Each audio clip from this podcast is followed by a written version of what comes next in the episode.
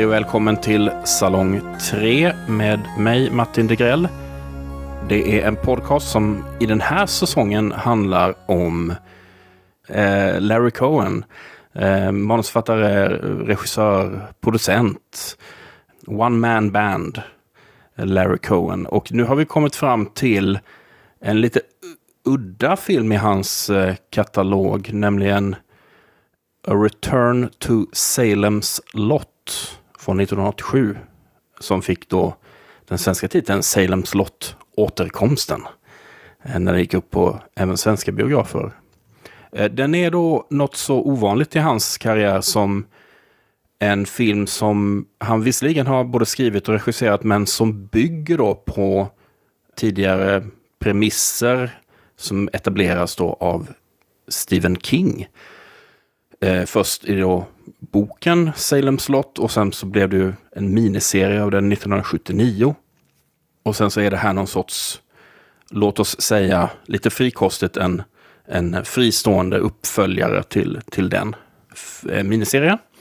Och eh, med mig här idag för att diskutera denna, kan vi kalla det en revisionist-vampyrfilm. Eh, ja. eh, så har vi Jesper Viking, välkommen tillbaka. Ja, tack ska du ha. Det är härligt att bli insläppt i Salong 3. Mysigt.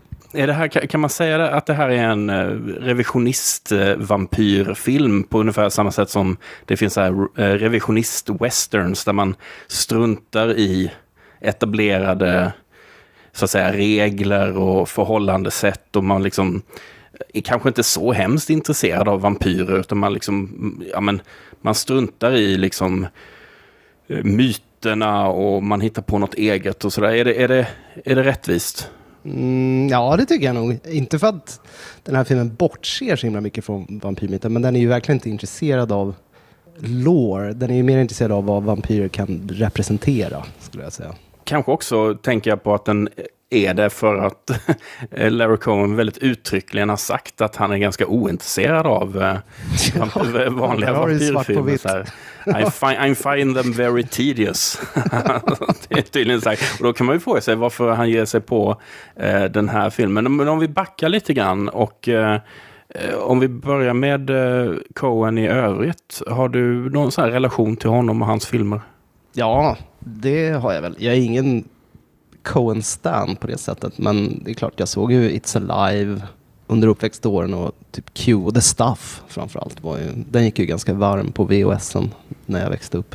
Uh, så att visst, jag har ju en relation till honom. Um, sen nu på, på äldre år så har jag väl kanske en annan uppskattning för honom som en, ja men, i, i mitt tycke ganska vass manusförfattare. Han skriver väldigt bra dialog tycker jag.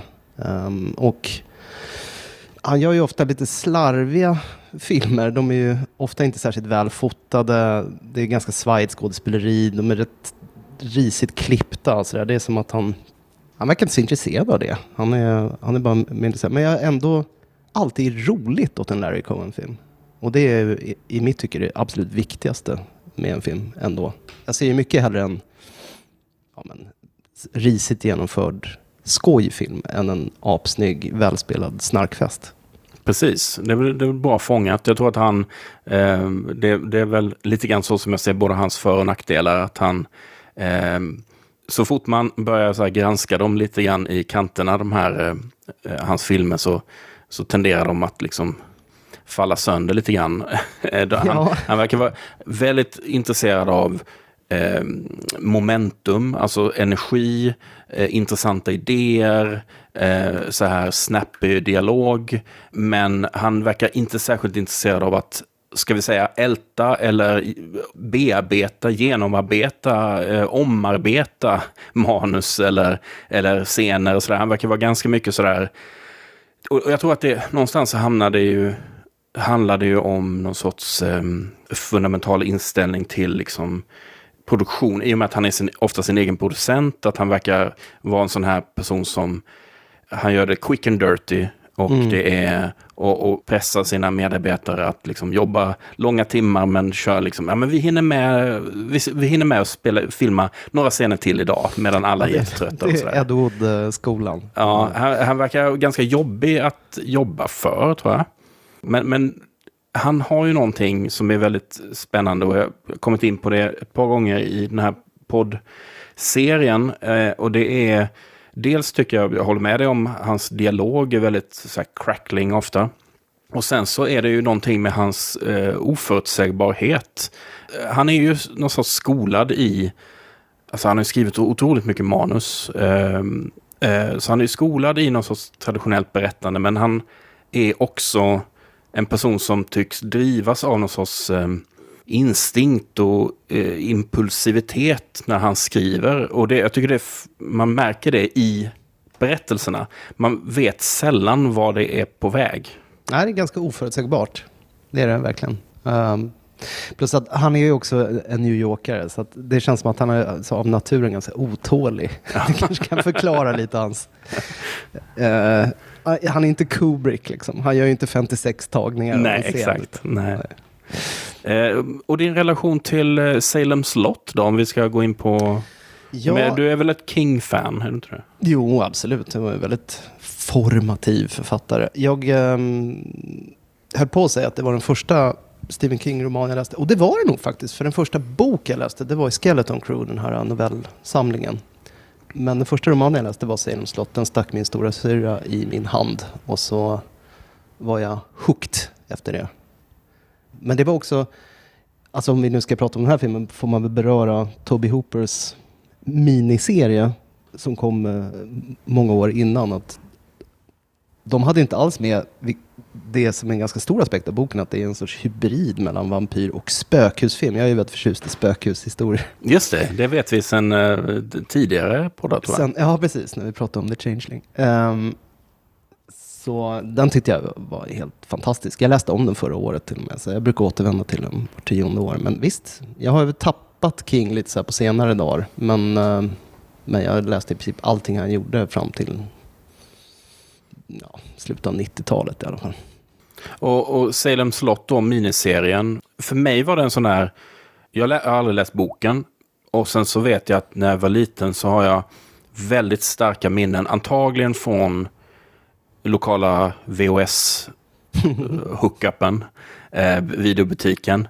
Med det här omslaget med den här vampyren Eh, Nosferatu-inspirerade ja. vampyren. Och jag tyckte bara det såg så otäckt ut. Så jag, jag, jag, jag har faktiskt inte, jag såg inte den här miniserien förrän i ja men du vet i vuxen ålder, alltså säg tio år sedan eller något sånt där. Ja, det satt eh, djupt. Ja, det satt djupt. Och sen så var det mm. sådär att den dök aldrig, sen dök den liksom aldrig upp på min radar eh, efter det liksom. Eh, men vad, vad, har du för relation till själva till miniserien? Har du, tycker du om den? Ja, alltså, ja, det var jättelänge sedan jag såg den fram tills jag såg den igen nu i höstas. Uh, men man har varit sugen längre för att den är ju väldigt vördad. Folk pratar om den i väldigt uh, generösa termer. Men jag tror det är ofta att folk har den kanske kärt i minne. Uh, just för att den omnämns alltid som en, för att nyttja ett överanvänt uttryck, slow burn. Men när jag såg den nu så kände jag att det här är ju bara slow. Alltså det är inte mycket burn i den serien. Det finns en del riktigt läskiga vampyrscener, ska erkännas. Men uh, den var rätt seg. Alltså jag hade svårt att ta mig igenom den hela faktiskt. Okej. Mm. Men James Mason är ju härlig. Sådär. Han är ju smarrig som alltid. Alltid bra. Mm. Eh, om vi ska bara, vi kan dyka in i, i den här eh, filmen då. Då har vi eh, Michael Moriarty eh, i huvudrollen. Han eh, var ju något av en, eh, ja, men en återkommande figur hos Cohen. Jag är lite sådär, han kan vara bra och han kan vara dålig. Alltså, det, för mig är han en sån här aktör som man vet inte riktigt vad man får riktigt. Eh, och den här filmen är ett ganska bra exempel på det. Alltså han gör ju jobbet. Men det märks också att det finns vissa scener där han väldigt uppenbart får improvisera lite grann. Eh, och det, nej, det funkar inte riktigt. Eh, men han spelar då en, vi kan ju bara ta lite kortfatt, vi ska inte gå igenom hela filmens eh, alla scener, men... men Lite så här kort synopsis. Och du, nu ska jag inte göra som ni gör på Incestklubben antecknar. Att ni, det är ett fantastiska, ett fantastiska drag. Att, är det svenska Wikipedia som ni läser från. Ja, oftast det svenska Wikipedia. Eller filmtipset har också många Ja, okej. roliga. För, det, för det brukar ju vara oerhört bisarra små synopsis. men, men vad ska vi säga? Den, det handlar helt enkelt om eh, en antropolog som heter Joe Webber som är, spelas av Michael Moriarty då, i, i generös tupé får vi ju tillägga. Ehm, som lite så här krystat, men han får ta hand om sin tonåriga son som han liksom inte har så bra kontakt med. Eh, och eh, för han har lite trubbel och då bestämmer han sig i ett infall att eh, resa till eh, Salem slott. I, eh, ska det vara i Verm, nej, Maine eller vad? Maine ska det vara. Maine, ja. Och, eh, Den är väl inspelad i Vermont, tror jag. Just det. Så det är i alla fall Grangårds. Jag tror Toby Hooper-versionen var inspelad i Kalifornien. okej. Så ja. långt bort från Maine man kan komma. Ja. Inom rikets gränser. För där finns det en gammal stuga som han har ärvt av någon faster eller något. Och eh, då visar det sig naturligtvis då att hela den här Salems lott då, föga förvånande för oss, eh, är mer eller mindre helt befolkad av eh, vampyrer. Ska vi bara säga något om den här inledningen när, när eh, vi träffar då den här antropologen Joe i ett okänt sydamerikanskt land med en okänd mycket, ska vi säga, spekulativ, eh, spekulativt skildrad infödingsstam, inom situationstecken. Som hämtad från någon sådär 30-tals matiné. Ja, de är inte jätteövertygande. Jag tror inte de var i Amazonas och spelade in det. Det känns mer som att Det de känns som en sån här, ja, eller jag tänkte att det var så här eh, eh, utanför eh, Los Angeles någonstans. Ja, precis. Ut med någon kanal bara. Nej, men det var ju, jag blev lite häpen över det här. Alltså, jag har ju inte, hade inte sett den här tidigare. Den är ju, Return to Salem slott är ju lite av en så här, uh, jag ska inte säga forgotten gem, för det, är lite starkt. Men den är ju, i- dess existens är okänd för de flesta, inklusive mig. Och det var väldigt roligt uh, bara att upptäcka att den fanns. Så um, när den börjar i det här, han, han, han är ju någon sorts här mondo, han gör någon mondo-dokumentär av något slag. Ja, det känns ju, alltså han för, ska ju vara antropolog, men han, precis som du säger, han framstår mer som någon sorts så här sleazy kille som, Ja, sån här italiensk exploitation. nu ska vi filma det här mordet, den här Ja, offerritualen. just snuffinspelning. ja. Och han är dessutom helt iskall också. Han har ju någon kameraman med sig där som han säger till så här, visa inga känslor liksom då. Och kameramannen säger “You cold-hearted son of a bitch” bara för att liksom understryka det uppenbara. Alltså vi, vi får ju en ganska, tycker jag då, en inte särskilt sympatisk bild av den här Joe. Nej. Eh, vi, vi får ju dessutom veta då att han har då inte träffat sin son på tre år.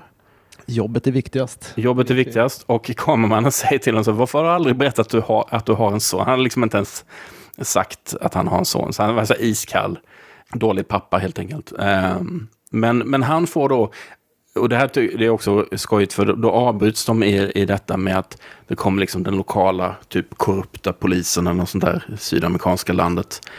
Eh, med, för då har han fått telegram från USA. Så det är så viktigt att de tar sig ut i, i djungeln för att liksom meddela honom att hans son, hans tonåriga son, eh, mår väldigt dåligt och han måste komma hem till USA genast, genast, genast. Meddelar hans exfru då. Eh, Förlåt, men den här polischefen var ju för övrigt också en väldigt rolig sån arketyp. Det var ju som som Tintin verkligen. We don't need no stinking budgets. Det var verkligen den nivån. Så, ja. Det var det jag tänkte, att det, att det kändes som att det, var från ett helt annat årtionde. Liksom. Tillbaka i USA så upptäcker ju Joe då att ehm, situationen är tämligen överdriven och hans son då, Jeremy, som Ska han vara 13? Han ser mer ut som 11 tycker jag, eller, eller 11-12. Eller han, han ska väl föreställa 13, kanske 14. Jag hoppas att han ska vara runt mera åt puberteten än en 11-åring. Med tanke på vad som händer senare Ja, i filmen. Eh, han, eh, han verkar mer vara, vad ska vi säga, troubled teen. Så här, tonåring på glid. Mm, absolut. Som behöver styras upp. I kombination med att eh, mamman då eh, och hennes nya man, inte, hon är för övrigt, eh, har en härlig eh, outfit på sig. Alltså Mm, härlig, härlig 80-tals eh, Peak klänning. 80s Ja. outfit. Ja. Eh, men då, då, det är uppenbart att de, de vill inte längre ha med den här, de vill inte ha den här tonåringen på halsen helt enkelt. Nej. Så då får Joe honom på halsen istället. Och den här Jeremy då, som han heter, är ju, ja men vad ska vi säga om honom? Klassisk så här, eh, s- lite halvstörig. Eh, alltså man förstår ju att han, har, att han inte trivs med läget. Att han har liksom ganska dåliga föräldrar liksom. Nej, precis. Där, han är ju verkligen någon sorts här, man kan nästan se hur de försökte få Corey Feldman eller någon så Ja, ta den här just det. rollen. Men eh, det blev inte så. Det är han är väldigt, väldigt så här Corey, Corey-vibb. Dryg, dryg och ska så här röka och svär som en sjöbuse hela tiden. Ja, jag gillar det att han röker. Det är Mm. väldigt skoj. Nej men eh, han, det, är- vet, det är väldigt så här eh, tydligt att eh, han saknar en stark fadersfigur. För den här plastfarsan är också så jättevek. Och Ja. Verkligen en, ja, men, en, som en in, in, tjän, in, servil gentemot uh, sin hustru och vågar inte ta ställning för någonting. Så att, uh, ja, det är väl på något sätt budskapet. Men han är ju uh, ganska, vad ska man säga, påfrestande. Han som spelar Jeremy, den här killen. Eh, han nu hette. Jag kommer inte ihåg. Som jag inte verkar ha gjort sådär jättemycket mer. Nej, det här är den enda filmen han har gjort. Okej, Vilket är mm. fullt begripligt faktiskt. Han har ju, ibland kan han vara lite rolig, men han, som, det är väldigt skrikigt. Ja, Men det är väl den regi han har fått också, jo. antar jag. Ehm, men mest är han ju bara så en gnällig grabb liksom. Ja. I hate being a kid, det är på den hela tiden. This town sucks, säger han. Ja, fucking Eh, exakt. om han bara visste hur mycket den suger. Ja, ja, ja, verkligen. Eh, då kan man ju tänka sig då hur glad han blir när de liksom åker till, till Salem slott. Till den här otroligt nedgångna stugan där, som ser ju helt obeboelig ut. Ja, det är en fixer-upper, helt klart. Du har ju liksom hus på landet sådär. Är det liksom... eh, Vad, vad skulle du göra om du liksom kom in i, i och det såg ut sådär? Skulle du liksom Alltså, bara vända i dörren? Backa Liksom? ut långsamt. Eh, Man kan ju förstå att Jeremy inte är sådär jätteförtjust i att komma dit då. Men det är ju väldigt, det är ju väldigt vackert. Det är eh, Ja, pittoreskt, eh, väldigt såhär Norman Rockwell, Mm, idylliskt. Vita staket och... Vi vet ju vad som komma skall naturligtvis, men det är, det är en klassisk eh, småstad med saker som sker under ytan-känsla där i det här sömniga och pittoreska Salems lott. Och märkligt folktomt. Mm, eh, de kommer dit där mitt på dagen och sådär. Men det finns, ju, Ja. det finns någonting utöver det här med att liksom, okej, det, är, det, en, det är en stad full av vampyrer, men det, är liksom, det är någonting på det sättet som de liksom filmar de här väldigt ståtliga, fina husen med de här vita knutarna, välskötta gräsmattorna. Det finns någonting där som, jag ska inte säga att det är så här åt lynchhållet, men just det finns något med den här Ja, det tangerar. småstaden där det finns eh, otäcka saker under ytan. Och det är möjligt att jag tänker så för att det är eh, New York-grabben Larry Cohen liksom som väldigt uppenbart eh, det känns som att han är ganska så syrligt inställd till den här typen av miljö. Liksom. Att den är förljugen och så. Mm. Ja, nej men absolut. Ja, det tror jag också. Det är ju intressant att du säger David Lynch, för jag tänkte också när jag såg den att, för filmen har ju också en sån väldigt udda humoristisk ton. Eh, på många sätt eh, kändes den lite som en så Twin Peaks föregångare. Eh, med de här eh, figurerna. Alltså det är ett sånt hemskt tema. Alltså de begår ju förfärligheter. Men ändå så finns den här ganska lättsamma humoristiska tonen i dialogen hela tiden. Vilket var liksom en hörnsten i, i originalserien Twin Peaks. Absolut, och jag tänker också att det, det här, den, den här filmen kommer liksom ett år efter Blue Velvet. Mm. Eh, Där vi verkligen har liksom den här småstads... Eh, den perverterade småstaden. Liksom. Mm. Men det är fint, eh, alltså jag gillar ju det här disiga, det finns en som disig slöja över hela filmen som är väldigt mysig på något Mm. sätt. Eh, då, på, det, på, på det viset har han ju fångat den här main-känslan väldigt väl.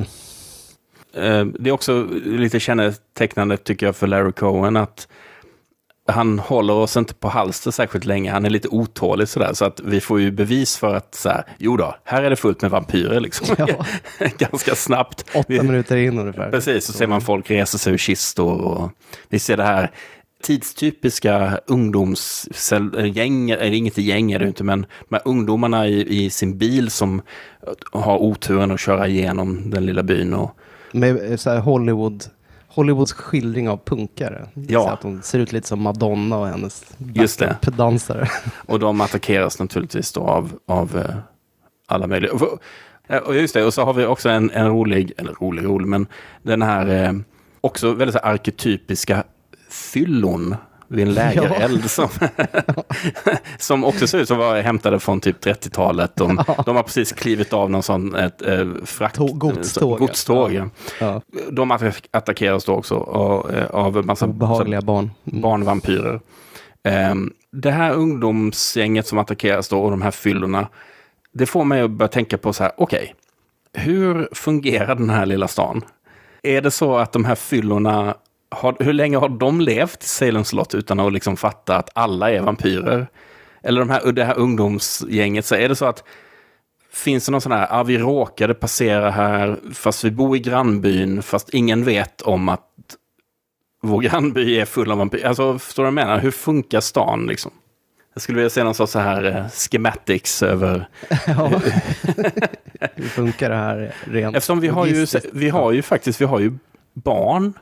Och vi har ju vad som verkar vara någon form av så familjekonstellationer. Men de barnen som är vampyrer, de, de växer ju aldrig upp och blir vuxna liksom. Nej, Eller fysiskt de, de fall. fastnar, eh, precis, de fastnar ju i, i växten så att säga. Eh, så hur, ja, jag förstår att du inte har några svar, men har några... Jag undrar om det är någonting som du eh, fastnade för? I, Nej, jag satt också och grunnade på det lite grann. Men eh, jag, jag valde att lämna det bakom mig. Annars blir det svårt. Men eh, visst, det är inte bara det att vi får reda på att eh, det finns vampyrer i byn. Även protagonisterna får ju det ungefär en kvart in i filmen. Vilket jag tycker är speciellt. För att normalt sett i en sån här film, då är det en sån här big reveal i sista akten att oh, de är vampyrer. Och nu, nu drar det igång. Liksom. Men han avverkar det redan ja, men en kvart in i filmen. Så att, eh, det är väldigt uppenbart att han är, han är inte intresserad av att bygga upp någon sorts spänning kring det överhuvudtaget. Utan han är mer kanske intresserad av att prata om vad det innebär och hur man reagerar på det. Och, ja, jag vet inte, dialogen kring, men hur funkar det här? Eh, sådär. Precis, och, och just det här, eh, vad ska vi säga, den här eh, lite vändningen, det är ju en twist kanske, men lite den här eh, vändningen av att stan styrs ju mer eller mindre av den här Judge Axel, som är då huvudvampyren, som då liksom väldigt pedagogiskt förklarar för Joe och Jeremy liksom hur det ligger till med vampyrerna i stan och hur, hur de funkar och hur de lever och sådär. Och så har han liksom det här ett lite sånt eh, tal där han säger liksom att ja, men som antropolog så borde du uppskatta det här. Här har vi liksom en community som, som har funnits i flera hundra år och eh, är inte det spännande? Och, och, och han blir ju faktiskt också intresserad av detta. Eh, Och sen så är han ju, hotas han ju mer eller mindre av att liksom så här, stanna kvar här och typ hjälpa oss och typ eh, eh, skriv vår historia eller något sånt där. Eh, Ja, skriv vår bibel, mer eller mindre. Ja, vår vitbok. ja, ja, men typ. Det är ju så. Vi vill, Ja. få, vi vill få credibility här och bli accepterade på en bred front.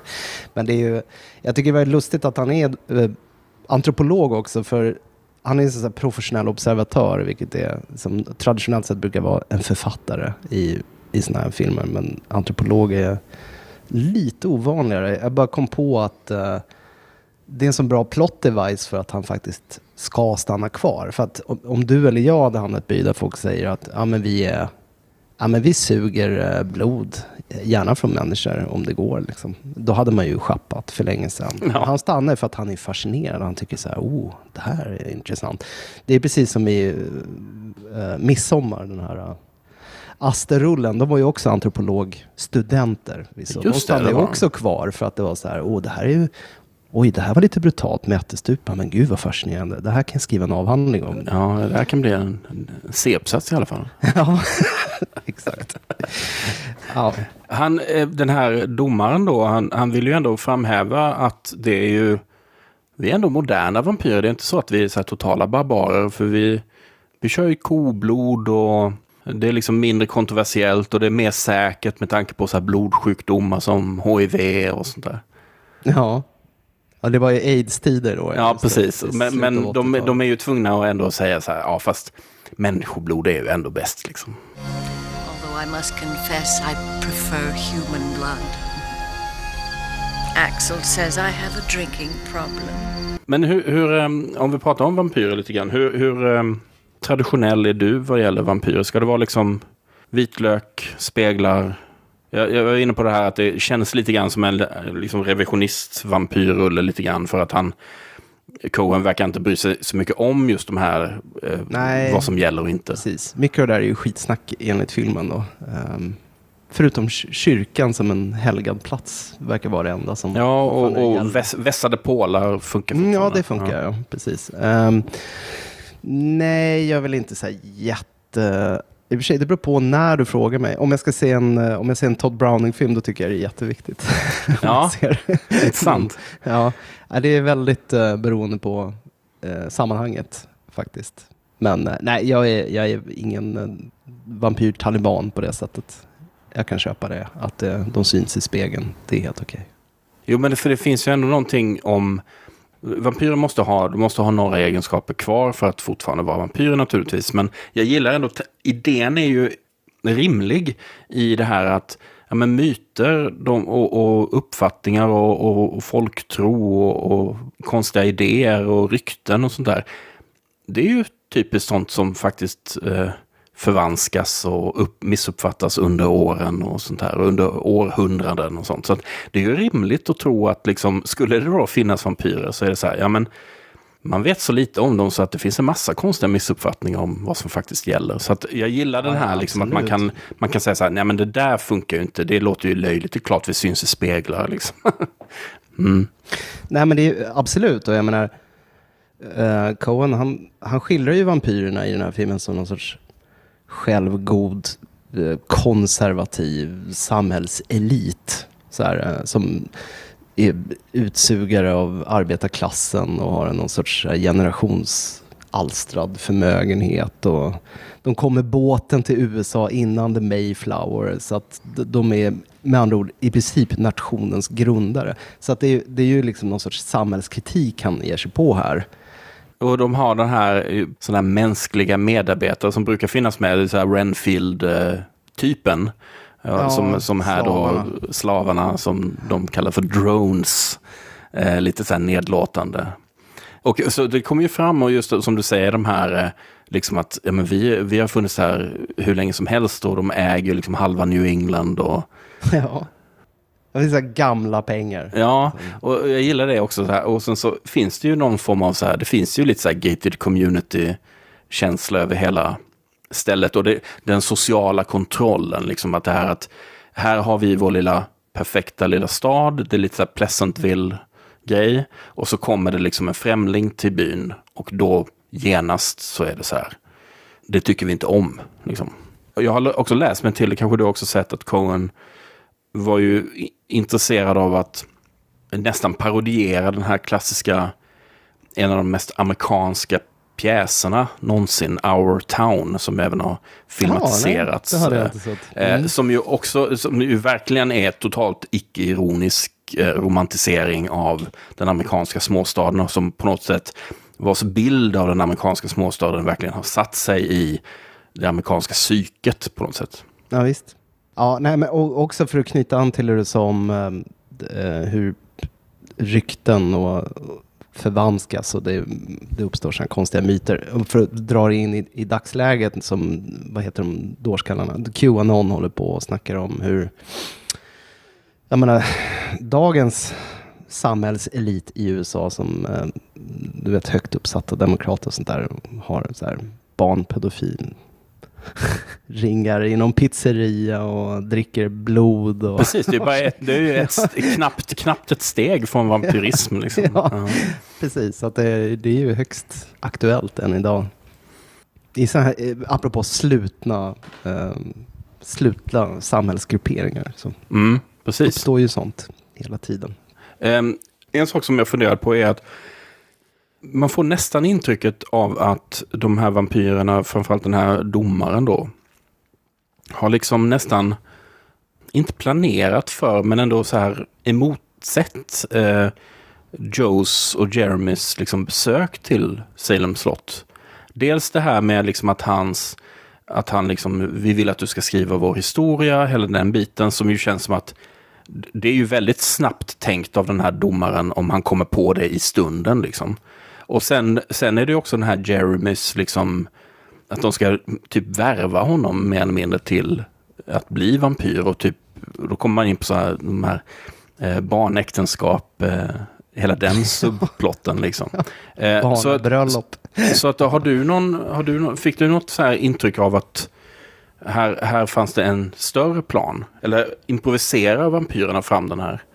Ja, bra fråga. Jag, det var, jag fick intrycket att de har väntat på att han ska återvända. Men jag förstod inte riktigt varför det var så viktigt. Eh, det var som att de kunde förespå att han skulle bli antropolog. Så att han kunde, och det, så kan det ju vara, det vet, det, men det framgår ju inte riktigt i... Nej, precis. De kanske bara, de har ju tiden på sin sida så att säga. Så att de kan ju kanske bara, om, om den här fasten då, som ju är en av vampyrerna, eh, när hon liksom eh, testamenterar, hon är ju en av de som de tror är död då, men, men hon lever ju och hon är ju vampyr då. Eh, och hon har ju då testamenterat det här huset till honom. Så de kanske bara väntade liksom på att han skulle komma dit, jag vet inte. Och han är ju känd. Så att de måste väl ha läst om honom. Just det. Och sådär också. Eh, Så de vet det, han är ju så här framstående. Mm. Han är inte bara your everyday antropolog. Nej. Precis, så det, kan ju, det kan ju vara en förklaring i det hela. Men jag gillar ju den här äh, domaren och hans fru när de ska gå och lägga sig. En ganska rörande scen faktiskt. När de har liksom skjutit sina kistor tätt ihop. Mm, det är fint. Och ligger där vid någon fin äh, sån här äh, begravningsblomsterarrangemang. och så här klappar varandra på handen och så här, "Åh, var inte orolig om, så här, om, om han inte Ja. gör som vi vill, då kommer jag skicka hans själ till helvetet. Så gott älskling. Så lägger de på sina kistlock. I don't trust him. He'll betray us. I won't take his soul. He must give it willingly. You just want to find out if any human can love us. If he loves us, he'll be my successor. If not, I'll send his soul straight to hell. Good day, dear. Men det är där vi får den här liksom le- historielektionen också med hur de kom till Amerika och sådär. Och, sen så tänkte jag på det här, de har ju en skola då med den här skolklassen som ju då sätter upp, ehm, jag vet inte om du såg det, hänger en affisch. Dracula. Ja, de sätter upp Dracula som skolpjäs. Vampyrskolans uppsättning av Dracula. Vad är det han säger? Can't wait, säger han. Michael Moriarty. Och då undrar jag också så här, har de varit, har de gått i skolan, har de här barnen gått i skolan i 300 år? Ja, exakt. När slutar de sitta där? Ja. För det kan ju inte vara för syns skull eftersom det sker, eftersom de har lektioner i, i varje timmen. Så att det är ju... Men vi, vi, vi får ju ändå reda på att de, de kan ju föröka sig. För vi, um, Joe har ju då en gammal flamma då som ju inte gör sådär jättemycket intryck egentligen. Men mer än att hon dyker upp och, och, och, och är lika ung som hon var då de en gång sågs för liksom 20 år sedan eller någonting. Hon ska vara 17 har jag för mig. Okej. Mm. Det ser hon ju inte ut att vara, men hon ska vara det. Hon, ja. Och hon förför ju honom och eh, blir omgående gravid. Och där, där verkar de ha en otroligt snabb turnaround liksom på graviditeten. Ja. För, för hon får ju liksom mage liksom efter två, två dagar. Två, två kanske. Ja. Jo, men absolut. Han är också någon sorts oren bebis då, för han ska ju bli en tjänare, som hon uttryckte det. Han kommer tjäna oss väl. Som Ja, en sorts dagvandrare. där är ju Cohen iskall liksom för att både mamma och barn blir ju uppeldade eller vad de nu blir. Jajamensan. Eh, Men här någonstans så kommer ju då en riktig curveball kan vi ju säga. Och då är det, det är nämligen introduktionen av en gammal gubbe som väl framstår som att han är kanske antikhandlare eller något i den stilen. Som spelas av eh, ingen mindre än Sam Fuller, alltså den Ja. fantastiska regissören. Bildstormaren. Ja, och eh, det, det är ju, tycker jag, värt att se den här filmen bara för honom. Absolut, han är ju så kallad MVP i den här filmen, skulle jag säga. Som den här cigarrtuggande... Eh, Precis, han, och han verkar ju, eh, det känns ungefär som att han spelar sig själv. Om man, om man har sett liksom så här dokumentära bilder från hans filminspelningar eller intervjuer med honom och sådär, så han verkar typ spela sig själv. Han, han hade garanterat sin egen garderob, liksom outfits Ja. och sånt. Han har precis den frisyren han alltid har. Han var 75 när de spelade in här. Eh, Han levde i tio år till efter detta. Han är yster.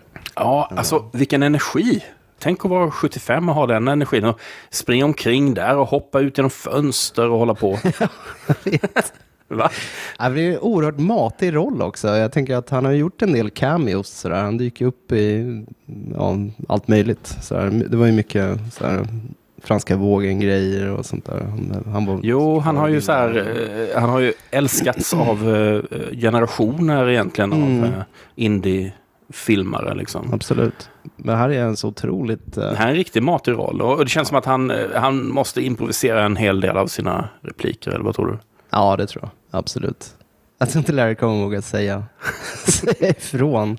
Men det funkar ju. Han är, han är Ja. härlig. Ja. Jag tror att han har... Jag tror, att, Ett jag vresigt tror, original. Precis, jag tror, jag tror också att han och Cohen är lite så här simpatico. Liksom, för att Mm. de, de har, jag tror de har ganska mycket samma väldigt så här pragmatiska inställning till att göra film. Mm.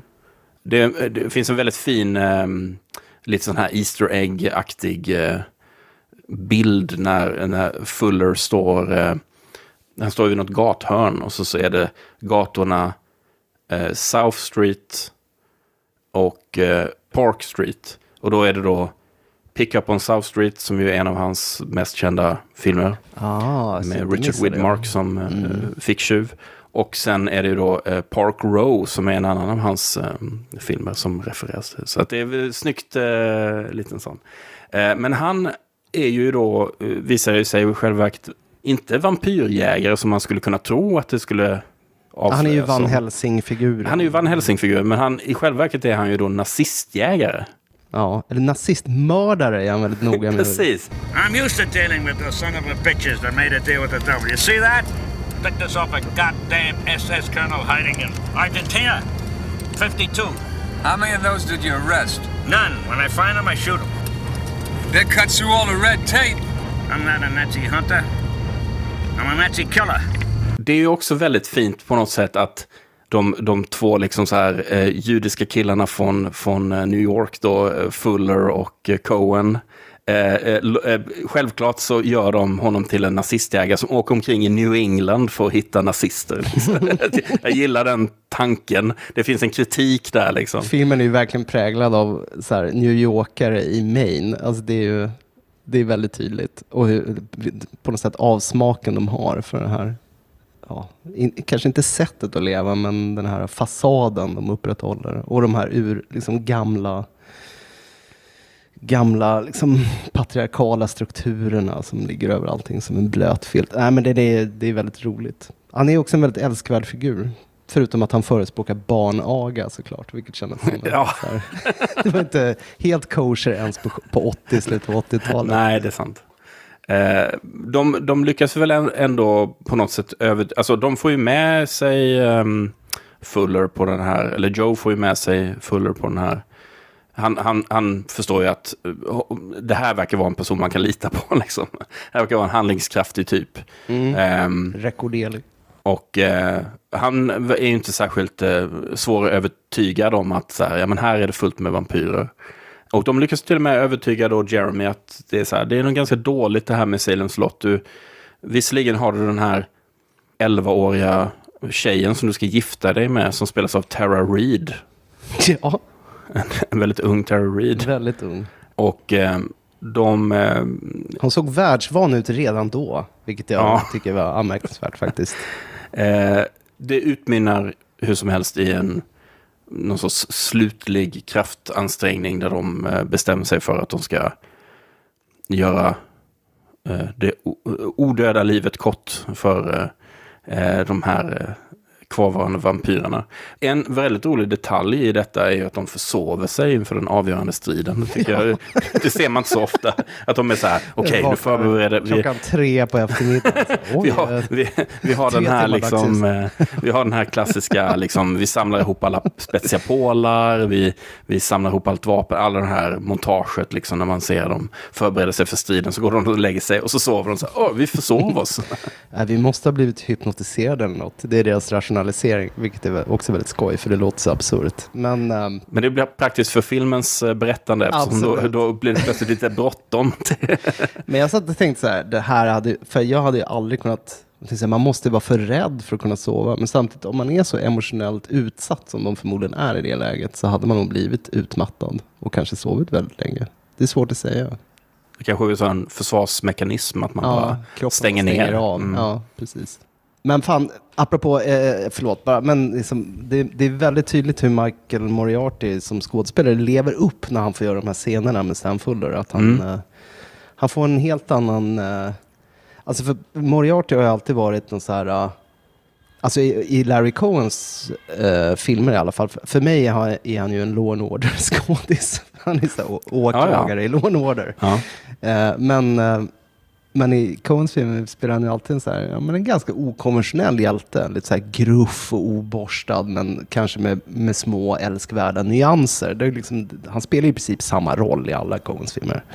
Och så även här, bara att här gör han det kanske inte fullt så bra som i vissa andra. Men, ehm, så att han är lite så här, han går mest runt och ser perplex eller för, förbluffad ut i stora delar av filmen som sån här, eh, chock, alltså indignerad ut. Och sen träffar han Sam Fuller och då, då, då, då ser man hur han slappnar av och bara så här, njuter av att göra scener ihop med den här legendaren.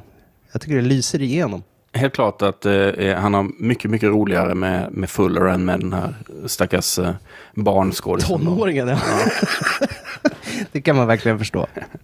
Men, men det utmynnar i alla fall i ja, en ganska utdraget sista parti. Alltså jag hade, gärna sett att de hade tajtat till det lite. Men jag gillar ändå det här med att de helt sonika går runt och, och slår pålar i de sovande vampyrerna på den här superidylliska dagen. Och eh, det är ju rätt så spännande. Så det, det är alltid där. Alltså jag gillar ändå de här scenerna i vampyrfilmer med att nu ska vi gå och slå Polen i den här sovande vampyren. Hela den här spänningen om ska de vakna, vad ska hända? Hela det upplägget är också väldigt eh,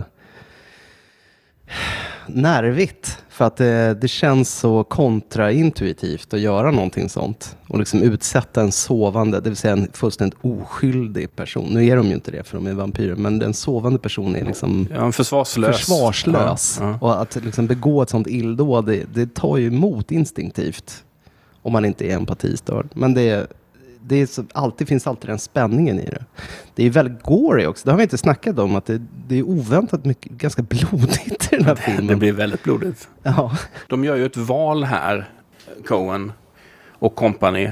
De har ju den här som finns med i många andra filmer naturligtvis, men det här att vampyrerna, de har någon sorts så här, eh, eh, vad ska man, ursprunglig form eller så, som är typ ett monster. Precis, de håller, upprätthåller en fasad. Ja, och de, de kör ju på det här och det kan man väl säga att det är väl något av ett misstag för att det ser ju oerhört pajigt ut de här eh, liksom latexmaskerna eller vad de nu Framförallt har. bossvampyren ser ut som en konstig mupp.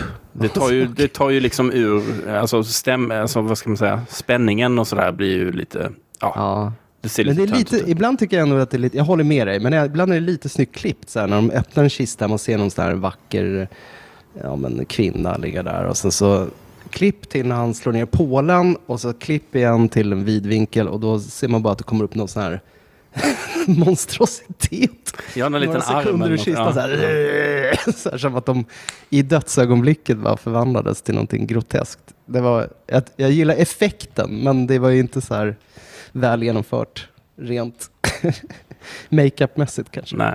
Men det, fin, det blir en fin final ändå. Eh, De sätter liksom eld på större delen av stan. Ja. Och den här domaren då i, i sin rätta monsterform. Han eh, spetsas till slut eh, av den amerikanska flaggan. ja. Hur, hur tolkar du det Martin? Ja, hur ska man se på det? Det, det är väl kanske något sånt där att... Eh, jag, jag tror att det är Cohen som säger att så här, nej, det här är det riktiga Amerika. Liksom. Ja. Och att slutfighten utspelar sig i en verkstad också. Ja. ja. Eh, sen, sen finns det en... Jag tänkte på det, det finns en slutbild som jag blev lite så här konfys. Där Allting är slut och liksom lugnet har lagt sig. Så är det liksom så här panorering på några betande kor. Och sen så, så här tonas det ut. Och lite så här ominous musik så. Och då tänkte jag så här, vänta nu. Alltså det vore ju typiskt Cohen att få, att få med någon sån här liten eh, slutidé. Tänk och kolla här då. Liksom. Men jag, jag försökte komma på om det fanns sånt där, eller om jag, försöker, om jag övertänker det.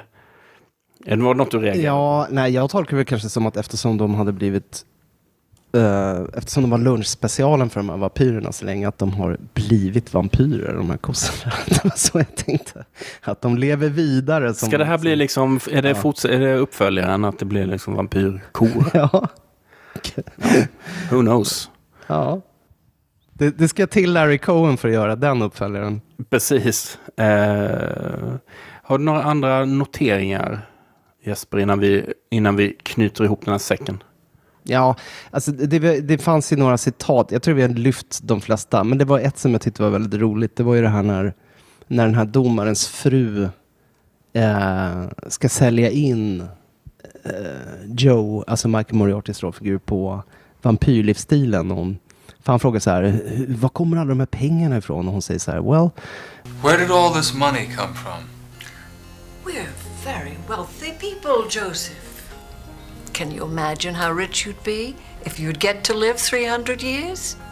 What, what with just real estate alone? We own land on the Boston Common. We have property all the way up through Maine and, and New Hampshire. Why? Vampire life and financial security go together. And not a penny from the government. Det var nästan Ja. det roligaste i hela filmen. Det är inte härligt. och sen också att filmen slutar med en lustig kommentar. Du vet, de åker iväg i, eh, i bilen och så säger eh, Sam Fuller till, till uh, Moriarty så här, uh, apropå sonen, att så här, I think he's becoming human. Och så säger Michael Moriarty så här, Don't let his mother find out. Så där så kommer eftertexterna. Så det känns verkligen som ett tv-serieavsnitt. Och så slutet Samtidigt som det liksom, vad betyder det? ja, exakt. Men så här, verkligen så här uh, serie uh, quip man kör på slutet och så bara roll credits. Som har liksom, vad ska man säga, tempo, ton av någon klatschig eh, slutreplik. Men som egentligen är så här, vad betyder det liksom? Ja. Ja, det tyckte jag var lite fint. Uh, men uh, ja, det var väldigt, jag är väldigt glad att jag såg den. Den är ju, som, som vi har konstaterat, ganska lökig på många sätt. Men det finns mycket intressanta idéer här. Och, Ja, det gör det. eh, och uh, Sam Fuller ju, måste, det måste ses. Han måste ses som, som vampyrmördare. Vi måste ju komma fram till den återkommande frågan, vem hejar du på i den här filmen? Vad säger du Jesper? Det finns ju rätt så många karaktärer kan man säga. Vissa Mm. som är väldigt eh, perifera och vissa som är mm, mycket i fokus. Nej, men fan. Jag, jag sticker ut hakan. Jag hejar nog ändå på Joe, alltså Michael Moriarty. Kanske mer på Michael Moriarty som skådespelare, rollfiguren. För att han har alltid varit någon sorts fattigmans John Voight. Sådär. Eh, men blev aldrig något stort namn på det sättet. Men eh, jag vet inte, han, var, han, han, han gjorde ju någon sorts emotionell resa i den här filmen ändå. Från en ganska ja, men lite så här bekvämt distanserad eh, observatör till någon som ändå gör ett moraliskt ställningstagande eh, kring att det är faktiskt inte okej att ha ihjäl någon. Det finns ingen ursäkt. Det är, att, att säga att det är en annan kultur, det är, det är bara slött. Det är slappt. Vem ska jag heja på? Alltså det är väldigt lätt att säga Sam Fuller då. Ja, givetvis. Ehm, det får nog ändå bli honom. Om man, om man nog inte ska säga Jeremy, alltså man, man tänker alltså sonen då att liksom har vi ändå någon som är ung och han har kommit ifrån det här nu så att eh, kanske blir det folk av honom också. Ja, det är bra Martin. Mm. Han behöver det. Så det var en jävla prövning han blev utsatt för faktiskt. Det var det. Frestas av sin child bride. Ja, exakt. Ja, Ja, vad fint. Eh, Det här var alltså eh, A Return to Salem's Lot. Jesper, stort tack för att du ville snacka om den här filmen. ja, men tack själv. Det var ett nöje. Vi ska eh, såklart göra lite reklam för intresseklubben Antecknar. Folk som har hört Jesper och hans kollega Per Perstrand i podden tidigare vet ju att ni har en alldeles utmärkt filmpodd som heter Intresseklubben Antecknar. Som man kan eh, stötta på lite olika sätt. Man kan lyssna på den som alla där man hittar poddar. Och så kan man också stötta er på Patreon. Mm, kan man göra. Uh, vi uh, kommer uh, framåt börja hårdfokusera igen på ehm, uh, autörprofiler, vilket är kul. Vi har ju lämnat det lite vid vägkanten ett tag, men nu är det, har vi planerat att göra ganska rejäla retrospektiv kring ja, men regissörer vi älskar. Ja, vad kul. Mm. Roligt. Det ser vi fram emot. Tack så mycket igen Jesper och eh, vi säger tack och hej. Hej då!